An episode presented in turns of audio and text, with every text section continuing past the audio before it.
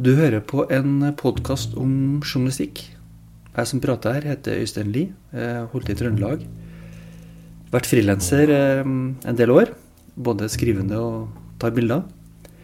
Dette er da podkasten for deg som er interessert i journalistikk. Som er litt sånn eh, nyfinken på hvordan de kommer fram til historiene sine. Hva er metodene, hva er knepene i hele tatt? Hvordan fortelles en god historie?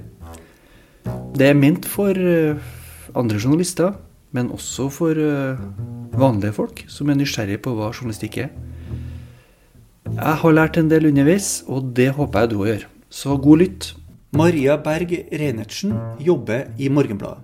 Hennes felt er økonomi, der hun forsøker å skrive om økonomi for folk som ikke nødvendigvis er interessert i det. Samtidig er hun både journalist og kommentator. I journalistikken skal det jo være et skille mellom kommentarer og reportasjer. Kommentarer kan godt være subjektive, men som journalist skal han passe seg for å mene noe som helst. I denne podkasten snakker Reinertsen om å dra fansynessen sin ned, og det å bruke jeget som en slags utsending eller avatar. Og vi skal innom hvorfor Reinertsen syns det er deilig å kjøre på motorveien i 110 km i timen, og hvorfor hun av og til avbryter tannpussen sin. Det betyr at du skal høre godt etter, for da kan du lære noe som er veldig smart. Hør nå. Det har jo egentlig vært hele, hele veien, helt fra jeg jobba i studentavisa Universitas, så har jeg, har, jeg, har, jeg, på en måte, har jeg ridd de to hestene samtidig. Og det vet jeg, og det er en diskusjon i, i mange redaksjoner om det, er, om det er lurt, om det er urent eller ikke. For meg så har det alltid vært litt viktig fordi at uh, ofte gjennom journalistikken og det å møte folk og skrive større saker at jeg kommer, at jeg lærer ting. uh, og blir engasjert i ting som jeg seinere kanskje skriver kommentarer om. Så, så jeg har jo, opplever jo det som er litt sånn nyttig uh, nyttig, for, nyttig for skrivingen. Dessuten er Morgenbladet en såpass liten redaksjon, så det å holde seg med så mange kommentarjournalister, det er ikke så, det er ikke så enkelt.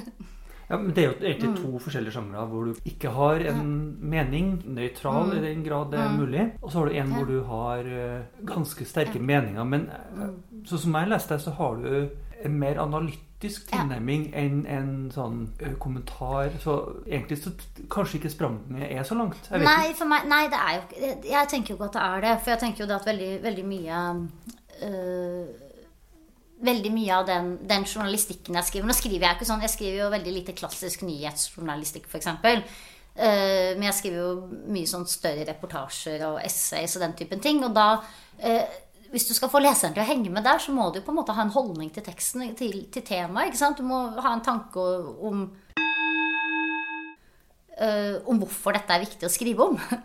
Uh, og som du ofte også da, sant, bruker litt inn i teksten for å dra med deg, dra med deg leseren. Så jeg, så, mens når det gjelder kommentarer der, så er det kanskje handler om min uh, Altså hvordan jeg begynte å skrive kommentarer. Uh, for det som var det store idealet mitt da, det var egentlig Sofie Mathiassen, som var politisk kommentator i Dagens Næringsliv i, i, i mange år.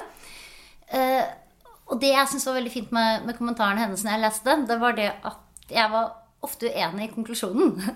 Men konklusjonen tok ganske liten plass. Så hun, hun brukte jo mesteparten av kommentaren sin på, på en måte å, å, brette ut et tema og forklare det. Sånn at det faktisk var mulig å lese den kommentaren og ha et utbytte av den, selv om du ikke var enig i, eh, i at formuesskatten skulle ned, eller hva hun da ville finne på å konkludere med. Da.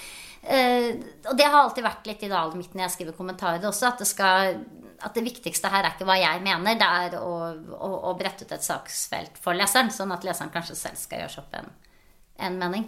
Og da blir nok ikke det spranget så stort som hvis jeg hadde vært en mer sånn klassisk sånn sterke meninger-kommentator. Så hender det jo at jeg skriver kommentarer på liksom ren forbannelse også, men uh, det er ikke, det er ikke den vanlige modusen min. Hva, hva er det som mm. får deg til å skrive mm. kommentarer, da?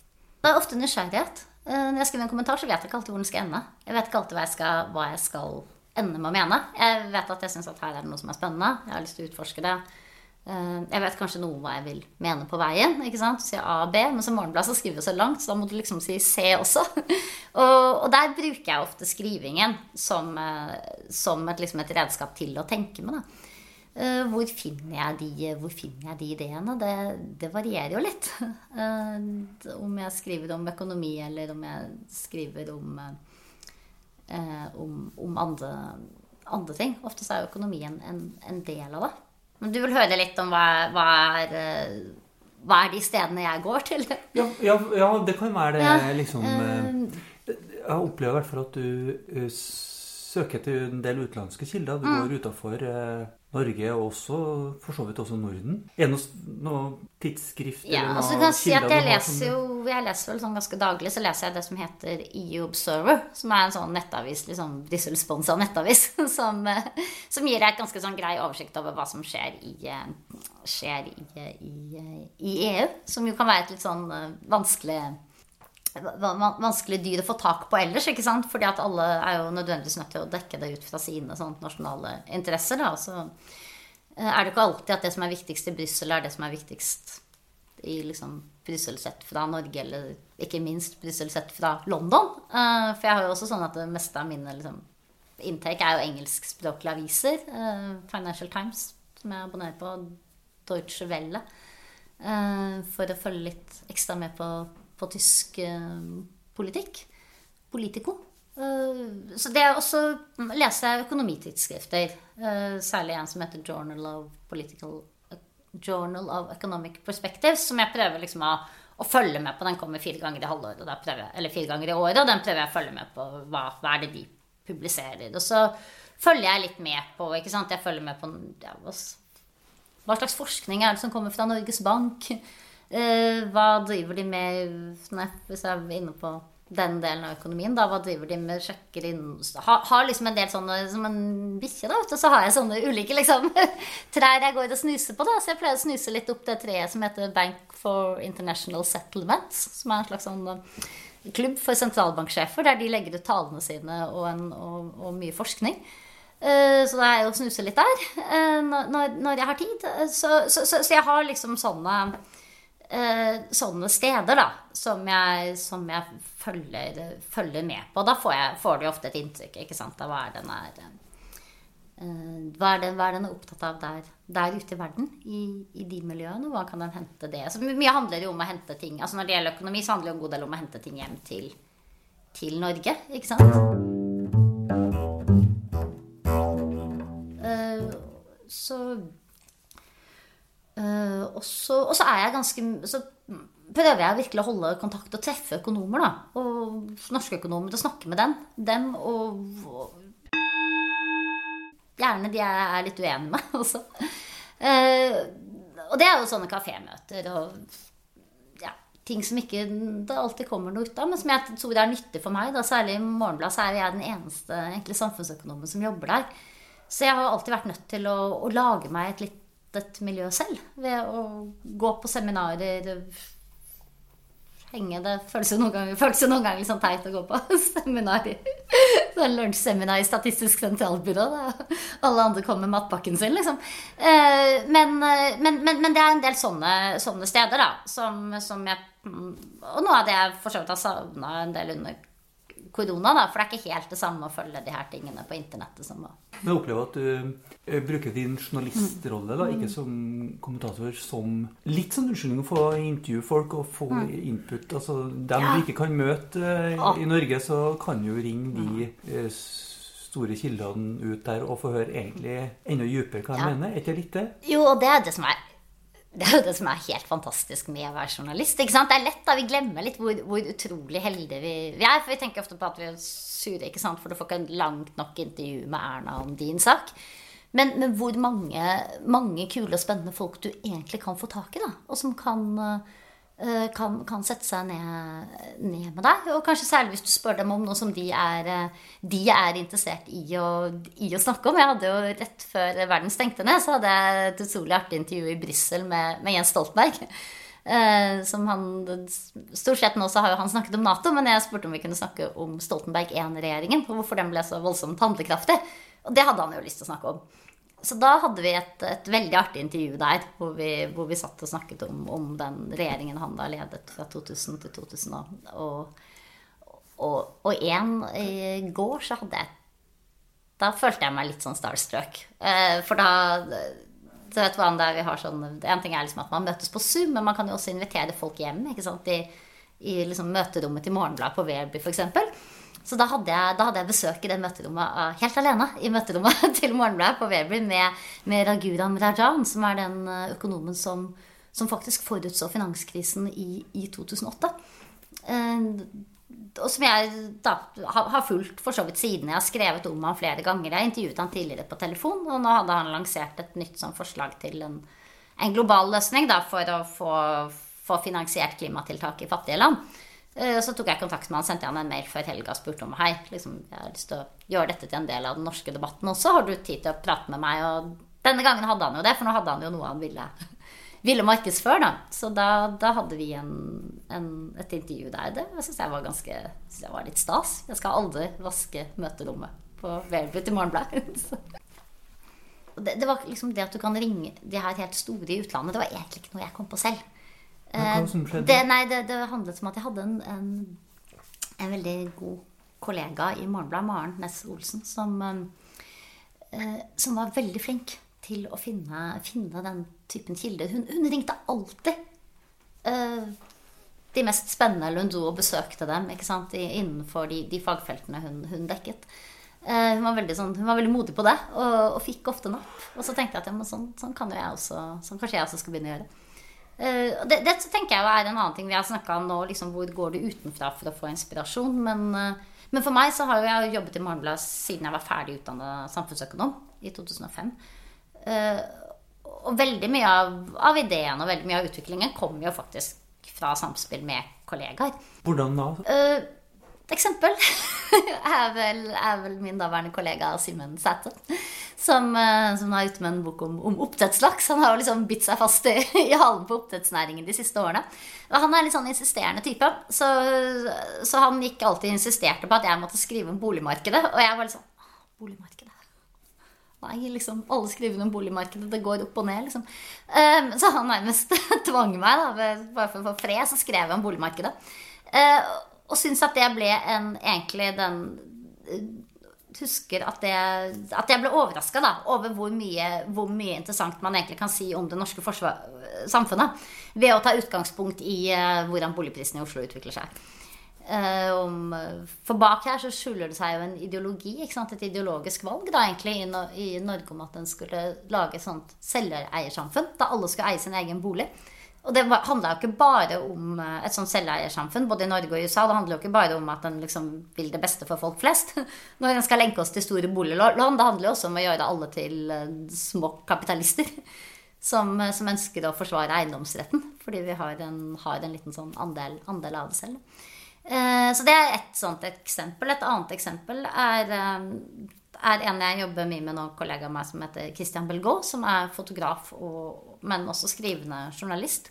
Og vi har my, mye sånn mange sånn produktive Syns jeg da mye av de tingene jeg har gjort de siste årene som har vært artigst, har egentlig handlet om at uh, han har kommet med ideer til fotoserier som han tenker jeg kan skrive skrive til. F.eks. en hvor vi gikk eller, eller motsatt, at jeg har tenkt ting som jeg tenker at her dette vil jeg gjerne se bildene dine av. Kan ikke du gjøre det, og så kan, vi, så kan jeg skrive noe. Så da hadde vi f.eks. en hvor vi i fjor, da, hvor, eh, hvor, vi ikke kunne reise. Hvor vi, hvor vi gikk langs liksom, kystlinja til eh, i, i, Oslo, altså langs Oslofjorden. Og, og, og lette etter på en måte den kampen mellom natur og, og mennesker der, da. Eh, og, så liksom på hva, hva, skjer når klimaendringene fører til at havnivået stiger. ikke Hva, hva, slags endringer vil det medføre? Hva slags endringer kan man se? Liksom, uh, hvordan, hvordan, kjemper natur og mennesker om plassen her da, på denne veldig sånn trange, lille strypen der, der alle vil være?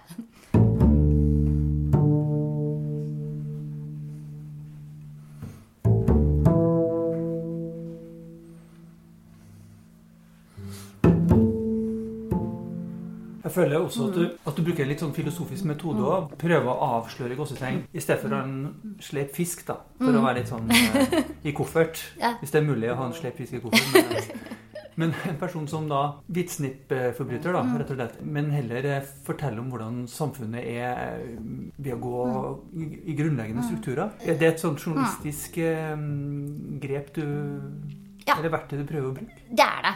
Det er det absolutt. Uh, jeg tror det er litt sånn oppsummert. Jeg skrev en uh, første boka mi for mange år siden. var en, en sånn slags debattbok om samfunnsøkonomi. Den het 'Ligningen for lykke'. Det var fordi det var et bokstavrim.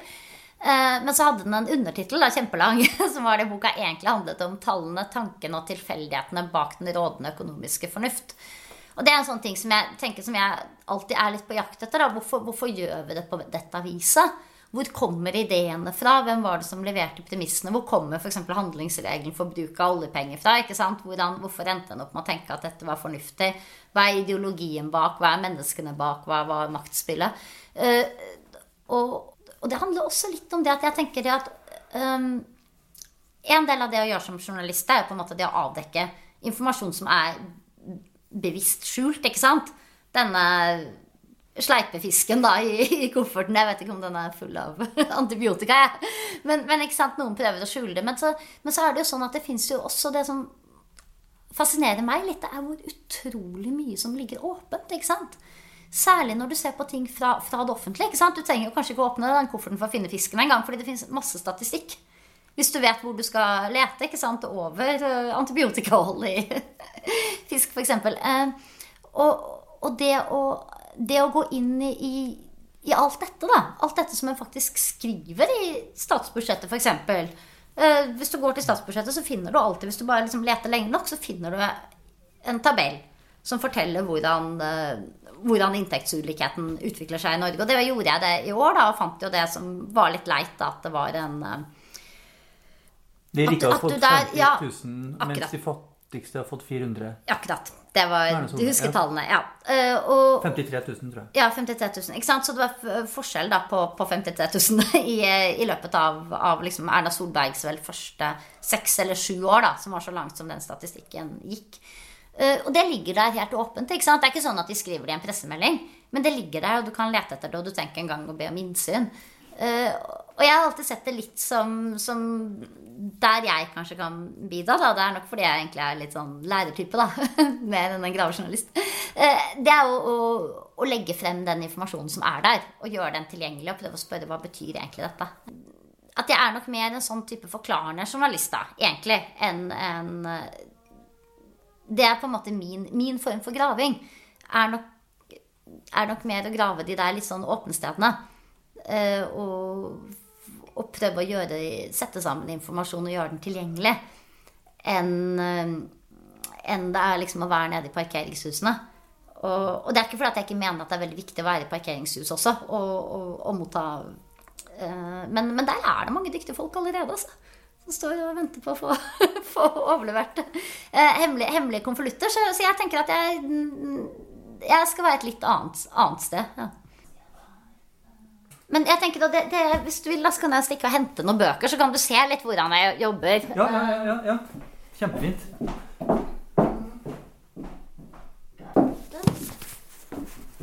Ja. Sånn. Du, det her blir jo veldig, veldig fysisk, da. Så skal det sies at uh, at som de fleste journalister så kaster jeg jo bort veldig mye tid på å surre rundt på internettet også. Uh, men jeg tenker at dette kanskje kan si noe da om uh, Her har vi en, en, bok som jeg har skrevet mye om i, i år. Mariana Mazzucato, 'Mission Economy'. Moonshot Guide to Changing Capitalism.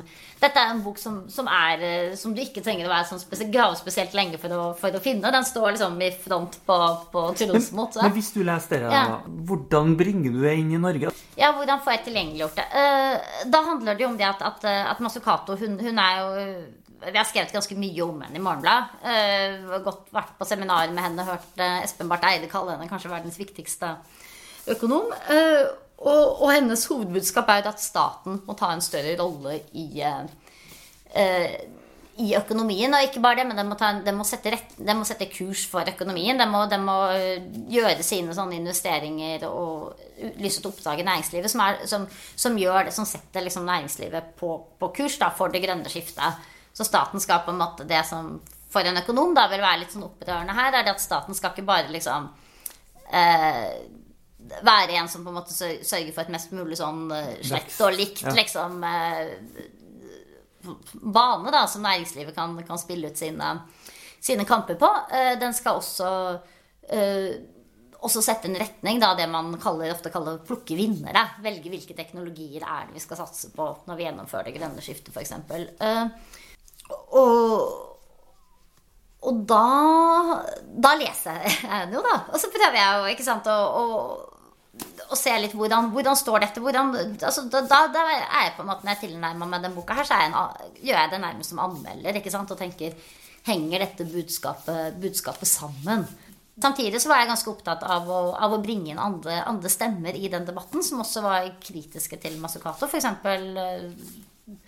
Tidligere eh, statssekretær for SV, Roger Skjerva. En grunn til at jeg gikk til det, var det at jeg skjønte at det var mange, masse norske politikere, særlig på venstresida, særlig SV, men etter hvert også i Arbeiderpartiet, som, som begynte å snakke mye om Masukato. Så det var litt sånn ok, da må jeg skjønne hva, hva er det de er interessert i.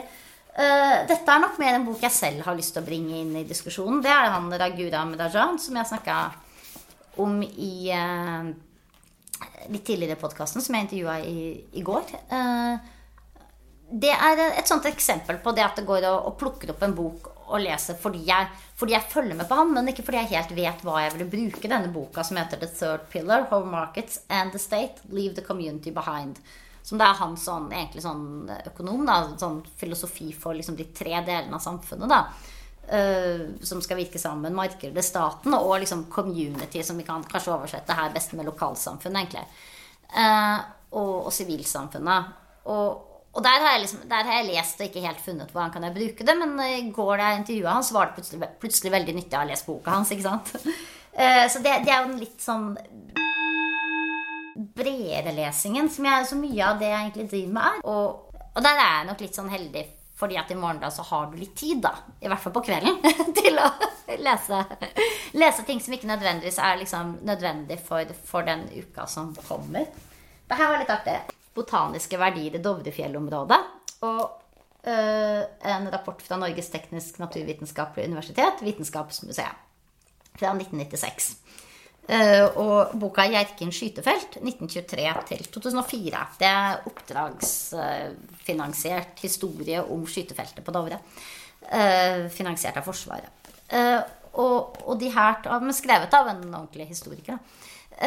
Og, og, det var egentlig fordi jeg var på, jeg var på Kongsvoll fjellstue og skulle skrive om, om Hjerkinn skytefelt, som jo er kjempeinteressant i et sånt natur perspektiv. det skal bringes tilbake til naturen? Ja, ikke sant? det bringes tilbake til naturen. Så vi var der nå og ville liksom oppleve den, den han, Fotografen Christian Belgaard og jeg, den første våren som, som, natur, hadde alliert oss med Simen Bretten, eh, en botaniker som har jobbet med Dovrefjell i en mannsalder. I dag er bosatt på, på Oppdal. Så han skulle, 80 år gammel mann som skulle komme og vise oss rundt i, i skytefeltet. Og vi dro oppover det. Vi var veldig, veldig ivrige. Og så, vi, og så hadde jeg fått koronavaksine dagen før. Så, så jeg lå på Kongsvoll fjellstue og var kjempesjaber. Og Kristian og Simen Bretten og, og, kona var ute, ute i skytefeltet og, og, så seg rundt. Jeg skjønte at det, den omvisningen den måtte vente til dagen etter. Men litt sånn utpå ettermiddagen da, så krøp jeg liksom ut av, ut av hotellrommet på Kongsvoll fjellstue. Og da tenkte jeg det at nei, men Kanskje jeg skal se hva de har i bokhyllen der. Det ville vært kult hvis jeg kunne skrive denne saken utelukkende med kilder jeg fant på Kongsvoll. Eh, og, og, da fant jeg disse to eh, bøkene i en, så, i, i en bokhylle som eh, Jeg fikk låne dem med meg hjem, og jeg burde ha sendt dem tilbake. Men vi er jo oppover over Dovre ganske ofte, så da tenkte jeg jeg skulle komme og kjøre innom og levere dem så, neste gang. Så ta, ta, les masse rare bøker. Ja, det er absolutt og les masse Les masse liksom, partikulære bøker. ikke sant? Prøv det. det du alltid må prøve, er jo noe som tar deg liksom, forbi det som heter policy summary, ikke sant? som er den der helt glattpolerte versjonen som du finner i starten av FNs klimarapport eller i en hvilken som helst norsk stortingsmelding ikke sant? eller årsrapporten til et firma. ikke sant? Du må komme forbi det, og så må du finne et eller annet liksom, konkret og rart og, og langt nedi der som du kan holde opp dette liksom, store bildet mot. Da begynner det ofte å svinge ikke sant, analysen din den, Det er jo ikke nødvendigvis sånn at du trenger liksom, at analysen skal være at det kommer et, liksom et, et, et, avsnitt der du bruker en masse lange ord for å fortelle hva du mener. Eh, du kan jo også gjøre analysen inni hodet ditt. ikke sant? Tenke at ok, her er det noe paradoksalt, her er det noe rart, og så kan du vise det frem.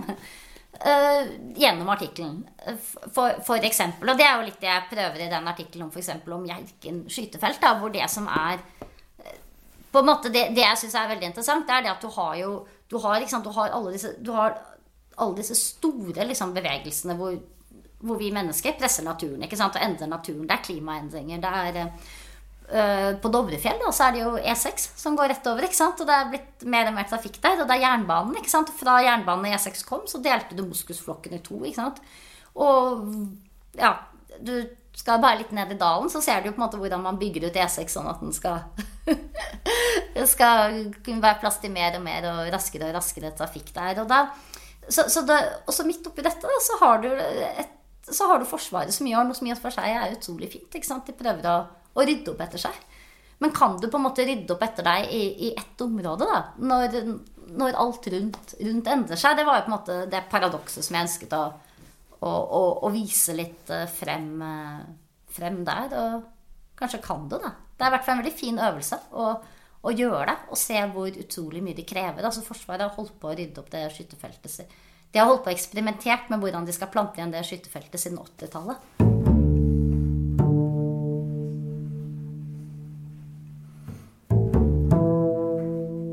Av alle rare bøker, så tenker, jeg at denne, dette er en bok jeg har hatt utrolig mye inspirasjon av. 'Statistics and the German State 1900 til 1945'.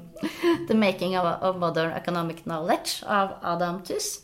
Eh, det handler rett og slett om det tyske statistikkbyrået i mellomkrigstida. Eh, og er en eh, dette høres tørt ut, ikke sant? Det er page-turner, kanskje? Det er, det, er, det er, jo en page-turner. Og grunnen til at det er en page-turner, er jo det at det handler om utrolig sånn velintensjonerte byråkrater som egentlig bare vil lage økonomisk statistikk, og så vil de gjennomføre politikk basert på den statistikken. Og de modellene de har. Og de modellene forteller det at når det økonomiske krisen treffer Tyskland i, uh, i 1930, da, som en sånn konsekvens av krakket på Wall Street høsten før, så skal du svare med å bruke mer penger. Staten må slå tilbake. Det er ikke den tyske staten på det tidspunktet Weimar-republikken så interessert i, men det fins en agitator der ute, Adolf Hitler, som er veldig interessert.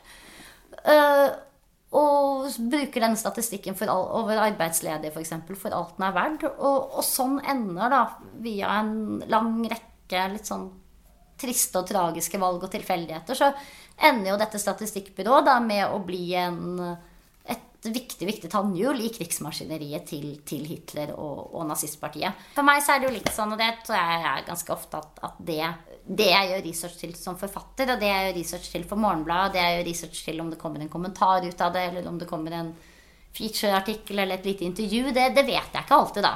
Så, så liksom det Det der stedet hvor du roter rundt først, det er litt sånn det, I starten så er det ofte ganske likt, da. Det er jo så mange teorier mm. der ute, og det er Og økonomi er jo tross alt mm. bare tall mm. i, i, i gåsetegn. Ja. Hvordan finner du fram i jungelen? Har du noen tips? Jeg tror kanskje det beste tipset er at du, du ikke skal la deg overvelde. Altså, tall er ikke så skummelt, ikke sant? Det, og, og, tall er ikke um, det, det, er ikke sånn at um, at bare fordi man har regna på det, så har man rett, da. Ikke sant? Og, og, og det, det, tror jeg er ganske viktig. For, og det, det, det, det, var faktisk en av grunnene til at jeg ønska å studere sosialøkonomi også. Eller samfunnsøkonomi, da. Eh, det var jo det at jeg det var jo at jeg hadde tenkt å bruke det som journalist. Fordi jeg tenkte at det var viktig å kunne liksom stille spørsmål da, når Jens Stoltenberg, som var finansminister på den tiden, da jeg bestemte meg for dette, når han sier at det kan vi ikke gjøre for at da øker renta, så ville jeg liksom tenke at ja, kanskje jeg kan stille et oppfølgingsspørsmål. da. Uh, og men, men, veldig mange av de tingene ikke sant, som eh, det er, skal si da, Jo, jeg tenker at veldig mange av de tingene vi diskuterer, ikke sant, så, så er økonomi det er et redskap. da. John Men, uh, ikke sant? Det er et redskap for å få, for liksom, finne ut hva koster det. ikke sant? Hva koster det sånn istedenfor sånn? Vi kan telle opp ikke sant? hvor mange er det som blir rammet. Regne på fordelingsvirkninger, alt mulig sånt. ikke sant? Og, da kan du, du kan ha, og, og det, er liksom, det er også en sånn, det å lage gode modeller som tar hensyn til alt. og bearbeide data og sånt, det er, liksom, det, det er en profesjon. ikke sant? Det, en, det, gjør du bedre hvis du er økonom enn hvis du ikke er økonom. da. Sånn som at du er, Det er bedre å ha en tannlege liksom, som er som er utdanna tannlege, da, eh, enn en som bare gjør det på frihånd. Men, men veldig mange av vurderingene i den økonomiske politikken, det er jo ikke sånne tekniske liksom, regnestykker som skal gå opp. Det er jo verdivurderinger. Ikke sant? Det er ikke noe verdivurdering hvordan liksom, du har hull i tanna, hva er best måte å bore på. Det er et teknisk spørsmål. Men, eh, men det å Det å, å avveie, f.eks. da Bør du bygge ut E6 ikke sant? over, over Dovrefjell? Eh, sånn at du får fire felt der. Da kanskje går det mye fortere. ikke sant? Da har du noen samfunnsøkonomiske gevinster på det. Bilene kommer fortere frem. og uh, Du får kanskje til og med færre trafikkulykker. ikke sant? Og uh, du får spart reisetid, og det er bra for handelsstanden som kan kjøre trailerne sine liksom enda raskere da, og med fisk og leker og hva de nå vil ha med. Eh, men så er det også noen verdivurderinger. ikke sant? Hva gjør det med dyrene på Dovre? da, At den veien blir dobbelt så stor og blir en barriere? ikke sant? Hva, hva har det å si for det som faktisk er liksom lokalsamfunn i, i området rundt? Hva, hva, har det å si for eh, Er det å sette Og kanskje også et ikke sant, utover, utover Dovre så har det, har det sånn større samfunnsspørsmål. Setter det er det, er det riktig bruk av ressurser å gjøre, liksom, gjøre reisetiden per bil enda kortere? ikke sant, mellom jeg gjør det enda raskere å komme seg til hytta på Oppdal, da. For for, for oss, ikke sant. Eller som har fortsatt hytte på Oppdal, selv om vi bor i Trondheim. Er er det riktig å eh, Eller er det feil kurs fordi man heller burde satse på å bygge tog? Eller kanskje man burde venne seg til at det tar litt mer tid å reise? Alt, ikke sant? Og, og, de her store diskusjonene de kan jo alle delta i. Du trenger liksom ikke å skjønne den samfunnsøkonomiske analysen til bunns for å gjøre det. Eh, men hvis du ikke kritiserer den samfunnsøkonomiske analysen for ikke å ta hensyn til uh, harepusen eller uh, moskusen, da, så kan det være en fordel å, og i hvert fall, om du ikke er økonom, da i hvert fall liksom, gi seg i kast med den og lese den. Og så kan man jo alltid spørre.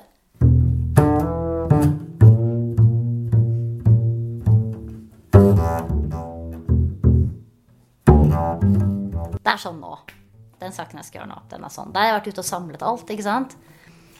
Uh, eh, Snakka litt med deskene om hvordan vi skal illustrere det og sånt. Så har vi tall, og så har vi intervjuer, og så ligger det der da skrevet ut kanskje, og noe er på bånd og sånt, og så skal du begynne å skru det sammen. Og da har du et problem for deg selv.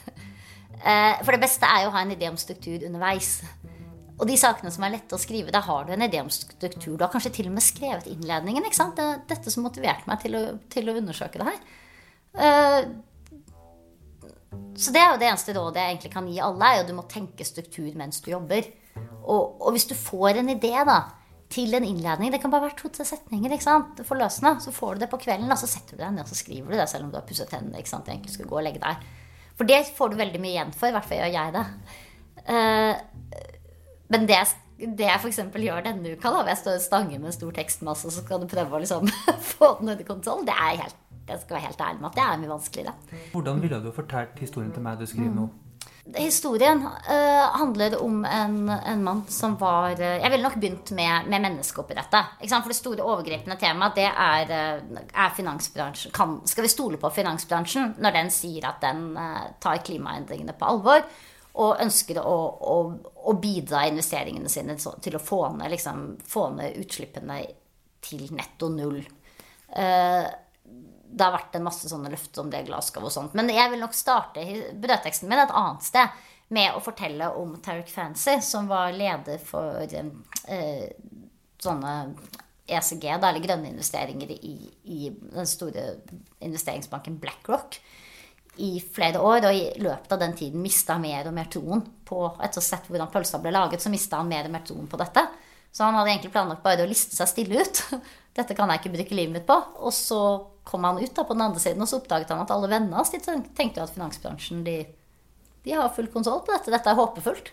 Og så ble han kjemperedd for at uh, all den markedsføringen av grønne fond osv. skal føre til at en faktisk tenker at en ikke er nødt til å ta liksom, de, de, tunge politiske tiltakene, som f.eks. karbonskatt, kvotehandel, reguleringer, forbud sant, mot oljeboring her og der og sånt.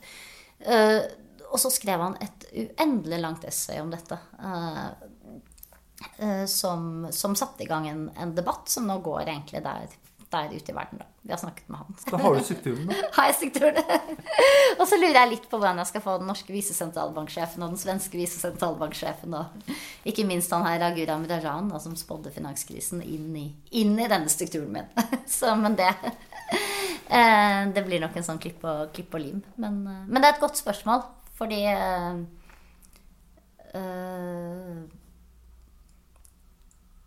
før så skrev Særlig da jeg begynte som journalist. Det kan, tenker jeg egentlig er en ganske god oppfordring. Da, da, da jobba jeg masse med form.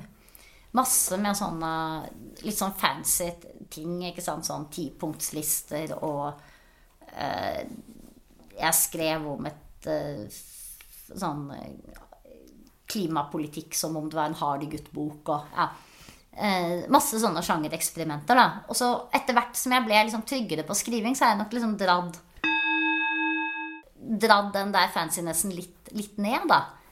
Men hva gjør du nå, da? Eh, jeg lager fortsatt scener.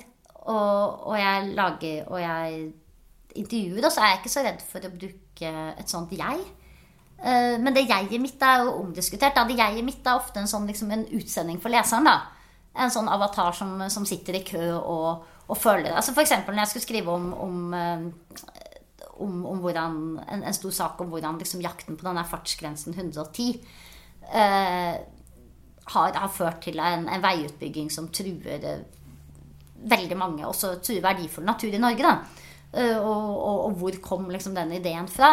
Da, da tenkte jeg da var jeg litt sånn redd for å miste leserne. Ved, Det er lett å tenke at ja, du sitter der i Morgenbladet, og så sykler du rundt på kassesykkelen din, og det er lett for deg å skrive at det er ille med 110 for hard i pussen, liksom.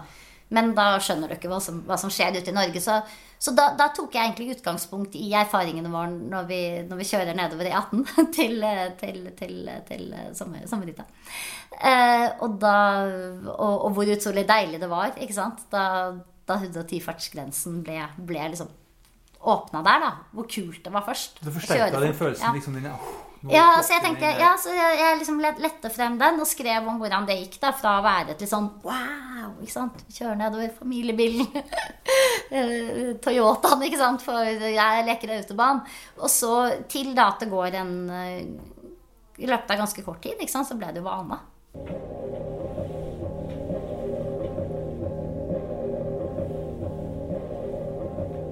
Jeg tror det viktigste er å lete frem til for seg selv hva er det som står på spill her? Hvorfor skriver vi om renta?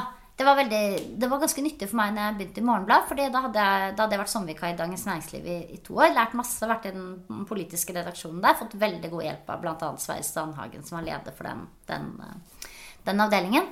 Eh, men i DN så var det sånn at alle var jo enig i at, at rentemøtet i sentralbanken det var en begivenhet. Det var liksom ikke snakk om at du ikke skulle skrive om det. At du ikke skulle intervjue sjeføkonomen om hva du vil si at uh, renta er blitt satt opp eller ned med en kvarting, da, som de sa. Uh, og så kom jeg til Morgenbladet. Der var det jo helt sånn Renta, hva betyr det? hva skal vi skrive om det? Har det noe å si, da? Ikke sant? Uh, det er jo en kjempestor debatt her om, om alt det Ikke sant? Om om man bare skal droppe skillet mellom sakprosa og skjønnlitteratur og si at alt er prosa. Ikke sant? Det er mye viktigere enn en, en liksom renta. Så, så, da måtte jeg begynne å forklare hva som sto på spill. Uh, og det er nok en Det tenker jeg er, jo, er nok et sånt generelt uh, tema. Og noe jeg ofte gjør da jeg, hvis jeg står litt fast med ting, så syns jeg ofte kan hjelpe å snakke med kollegaer eller, eller snakke med noen andre. Fortelle hva er det egentlig du Hva er det du gjør nå? ikke sant? Hva er det du jobber med nå?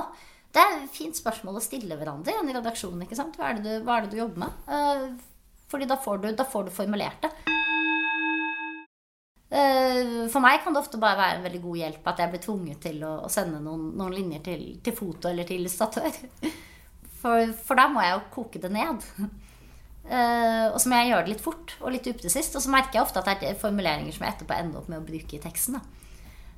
Så, så det, det, det, er vel det vi har snakket mye om, hvordan du går ut nå. Men, eh, men jeg tenker jo at, at, det som skjer innad i redaksjonen, da både det å jobbe sammen på prosjekter eh, og, det å, eh, å lese hverandre, kommentere hverandre, si at det her var, det her var bra, her kunne du våget enda mer. Nå ser jeg så, så kult at du prøver å, å, gjøre dette. Vi har aldri sett deg skrive kommentarer før, men dette var du jo kjempeflink til.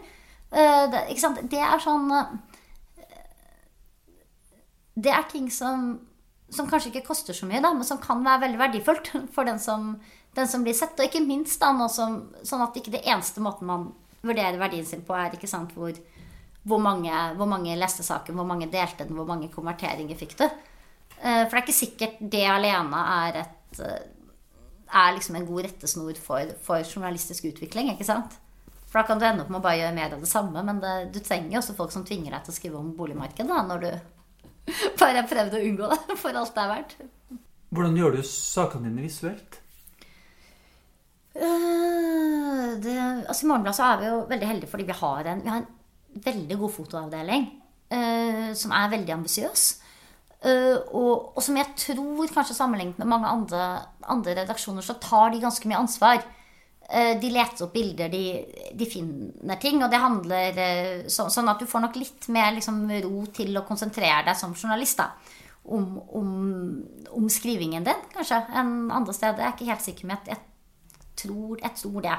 Eh, og så tror jeg det er viktig det at du At det er ofte veldig Det er, det er veldig sjelden vi tar bildet selv. Vi gjør omtrent ikke det. Og, og det betyr at du er to stykker på jobb ikke sant, ute. Og det er også en ting som ganske, ofte kan være ganske viktig for skrivingen etterpå. At du diskuterer, ikke sant, fotograf og journalist. Hva slags sak er det vi skal lage, hva er det vi skal, og hva, etterpå, hva var, vi, hva var det vi fikk ut av dette? Hva har vi egentlig opplevd nå? Hvordan vil du løse dette? Um, så Så det å Og der tenker jo jeg at det er ganske Du, du må jo ofte ha altså Det hender jo du ser for deg ting og har ideer, ikke sant? Det, men, uh, men der tenker jeg også det at og, du skal jo tenke? Du skal tenke på at at du må ha en mulighet da, til å løse dette visuelt. ikke sant? Altså, Jeg kan være kjempefornøyd med at jeg intervjuet Anita Gudam Tajani ved Webby-rommet til Morgenblad, men det er jo definitivt ikke liksom noe, noe godt bilde til denne saken. Eh, men eh, men er du med i prosessen og diskuterer? Ja, ja, ja da, vi, vi, er med. Vi, vi, skal, si, si, vi, er, vi, med. ikke sant? Vi diskuterer, du diskuterer ikke sant? Har du ideer til illustrasjoner? Har du, du, du, bør jo Som journalist så bør du ha tenkt på det, du bør ha noe å komme med. Men samtidig så syns jeg det er litt viktig at uh, at, at det er fotografer er jo, er jo fagpersonen her, ikke sant? Uh, og hos oss så har vi jo fotografer som har liksom en de, de, har også en idé. De har også en idé med liksom Hva slags prosjekter er du har? Hva, hva, hvordan, hvordan, vil du utvikle deg? Uh, og, og, da er det ikke sikkert det er så inspirerende at noen kommer til å si liksom, Kan du ikke ta bilde av, av det? kan du ikke gjøre det sånn? Ikke sant? Uh, så um, like lite som, som, som journalister kanskje syns det er gøy å få beskjed om å skrive akkurat sånn. Du vil gjerne finne ut av det, du vil gjerne finne ut av det selv. ikke sant? Du vil, og, eh, og det er da det, da det gjerne blir, blir, best. Og derfor så syns jeg det er kanskje at noe av det Noe som jeg prøvde å fremheve litt sånn En, en av de tingene jeg gjorde i fjor um, Forfjor så vi, hadde vi en lang reise nedover uh, Sentral-Europa. Uh, eller egentlig fra vi reiste via E75, altså Europavei 75, fulgte vi fra, fra Vardø til Aten. da. Uh, og så var det en sånn reise vi hadde plukket ut at vi ser at den går gjennom mange land da, hvor, hvor, demokratiet på et eller annet vis liksom står i, står i spill. da. Uh, Polen, Ungarn, uh, Slovakia, Serbia.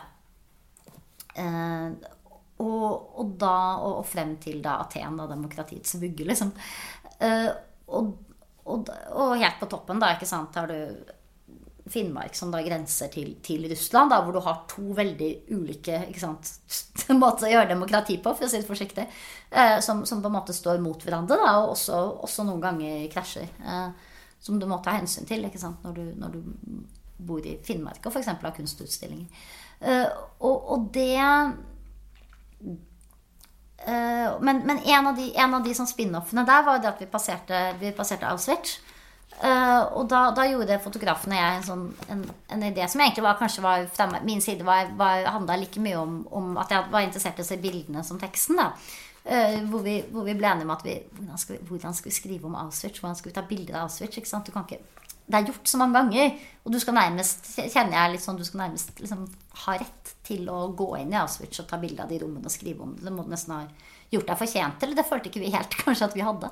Men, eh, men, vi tenkte at det vi kunne gjøre, var at vi kunne gå rundt Auschwitz langs gjerdet. Og så kunne vi se hvordan lever folk. Hva skjer der, liksom? Hvordan lever du livet ditt? ikke sant? For der er det, det er jo liksom koselige boligblokker bygget liksom i ja, liksom etterkrigstida. Rett opp mot gjerdet til Auschwitz. Så vi gikk rundt, da. Og han tok, bilder, han tok bilder, og jeg gikk og, og taska. Og, og, så.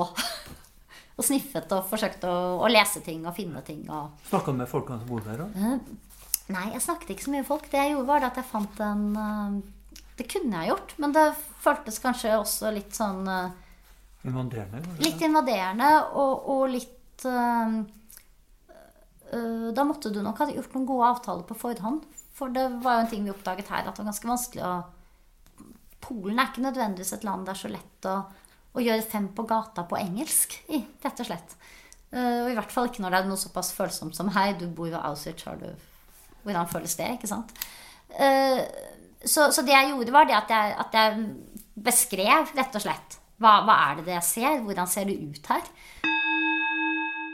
Uh, hvordan reagerer jeg på liksom denne kontrasten mellom det livet, det minnesmerket og det liksom vanlige livet da, som, som, skjer utenfor? Ser veldig nøye på detaljene. Hvordan har, liksom, hva har du pynta husene? Hva var veldig blomstrende og fint. da.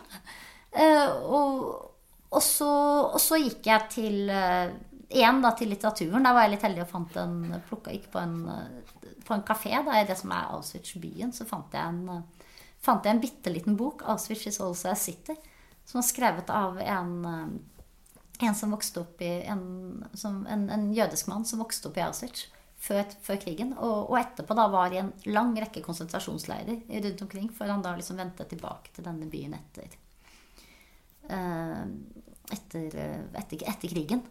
Uh, og da fikk jeg plutselig en historie da, om et, uh, det store jødiske samfunnet i, i Auschwitz før, hvordan, før krigen. Hvordan fant du boka? Sniffet rundt. Vi, vi, vi fant den på, på, en Du går til den hyggeligste kafeen. Og der var, det en, der var det en hylle hvor det sto utstilt. litt forskjellige ting for salg. Da. Det er sånn som det er på sånne litt kule kafeer, så kan det være sånn de har laga seg en kopp og værenett og sånt. Da. Og der var det også eh, litt religiøs litteratur, vel. Og, og, og blant det da denne lille sånn lefsa av en bok opprinnelig skrevet på tysk, da, men, men, oversatt. Og da må du gjøre litt sånn Askeladden, Plukke opp, ikke sant.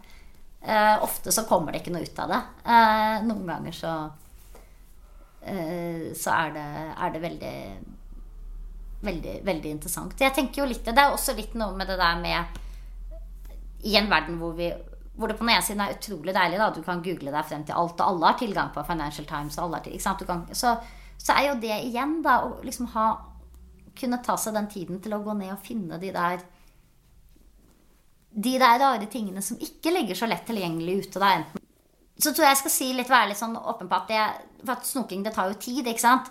Uh, så, så, du snoker jo innimellom. Eh, det er ikke sånn at vi har sånn veldig mange store snokeuker. Vi har noen, men vi har ikke så mange snokeuker i Morgenbladet heller, liksom. Så, uh, så jeg, jeg, jeg, er fullstendig klar over at Over at noe av det, hvis du, hvis du, hvis du skal levere liksom, tre saker til nett i løpet av dagen, så får du ikke gjort den snoken, da. Og så tenker jeg det noen ganger at man kan, jo, man, kan legge, man kan, jo, legge, opp til den snoken på forskjellige måter. Da. Nå har vi jo lært oss f.eks. at vi ikke trenger å sitte i redaksjonen. Vi kan sitte og skrive andre steder. ikke sant? Da kan du legge inn et møte da, på en kafé med noen, eller du kan, eh, du kan sitte og snoke litt og ja, hører jo ting hvis man sitter og skriver på kafé istedenfor i redaksjonen. ikke sant? Vi tilbringer, vi snakker ofte om at vi har dårlig tid, og det har vi jo. Stort sett som journalister, men vi tilbringer jo veldig mye tid også i redaksjonene da, med å sitte og ha dårlig tid sammen. Så, og da er det jo ikke sikkert du nødvendigvis får så mye input av det. Så det handler jo litt om det også. Og, liksom gå den ekstra omveien. Ja, så har du omveien. jo Deichmanske. Eh, Sitte i skriftsamlinga ja. der, eller mm. verk. Ikke sant. Og så tror jeg det kan være nyttig noen ganger å tenke det at uh, du undersøker en sak, og så kommer du over noe. ikke sant? Som dette får jeg ikke brukt denne gangen, men, men la meg lagre det, da. La meg beholde den boka. ikke sant? Når kommer jeg til å levere tilbake den NTNU-rapporten til Kongsvoll? Nå må jeg vel gjøre det, da. Eh, for det kan jo komme til nytte seinere. Så merk deg liksom de veiene. Og så lag deg en sånn liten løype da, over steder som du, du kan gå innom og sniffe på. De, når du har tid, ikke sant? For du har jo ofte du sitter og venter ikke sant? Du sitter og venter på, en, på at noen skal ringe tilbake en sitatsjekk. ikke sant? Og så hva gjør du? Jeg sjekker liksom NRK en gang til og Deutsche Welle. Jeg tror kanskje jeg kunne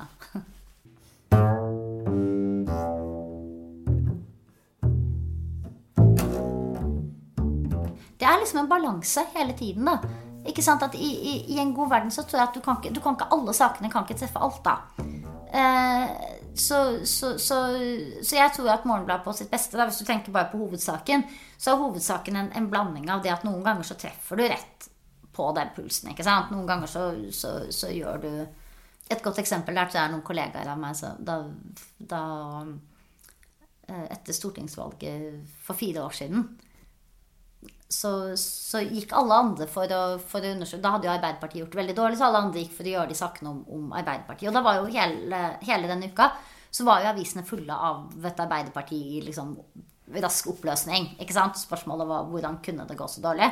Uh, og da er det mange som gjør den jobben, og de gjør den kjempegodt. Så da tenker vi å være der. Så vi gikk til Høyre, og så spurte vi hva var det dere gjorde riktig? Hvordan vant det valget? Og det hadde de jo kjempelyst til å snakke om. Og så, og så, kom det da ut den saken som da het 'Det er lurt å være blid'. som oppsummerte da Høyres sånn eh, valgkampstrategi. Så, så, det kan noen ganger handle om det at du liksom utnytter kontrær, det. Ja, ikke sant? At du kan gå det andre stedet når alle er der, så kan du trygt gå dit, liksom. Men så må jeg innrømme at jeg syns det er litt herlig noen ganger da, at, eh, at morgenen ble helt, helt annerledes. Jeg husker det var en gang jeg kom tilbake fra utlandet også. Jeg, husker ikke om det var en ny runde i Orderud-saken. Det var i hvert fall en eller annen sånn svær fellessak som gikk alle andre aviser. Da, og da var det liksom fortsatt sånn at du, sant, du, Det første du gjorde når du kom tilbake, det var liksom å se på avisstativene på Gardermoen. Da. Og der sto alle disse andre avisene med, med, denne veldig aktuelle saken. Og så står Morgenbladet uh, med et liksom bilde av to, to indianere fra Amazonas. og en sak om ukontakt. Og, og, og, og tittelen 'Ut av skogen' og en sak om ukontaktede indianerstammer. Eh, og det var på en måte, det var helt vilt, men det var også ganske fint. Det var Maria Berg Reinertsen i Morgenbladet. Neste gang skal vi inn i den kriminelle verden og snakke med Øystein Milli. Han er krimkommentator i VG. Det håper jeg blir såpass spennende og lærerikt at du også hører på den episoden. Og så er det bare én siste ting. Eh, den som spiller bass i podkasten, han heter Asker Skrove.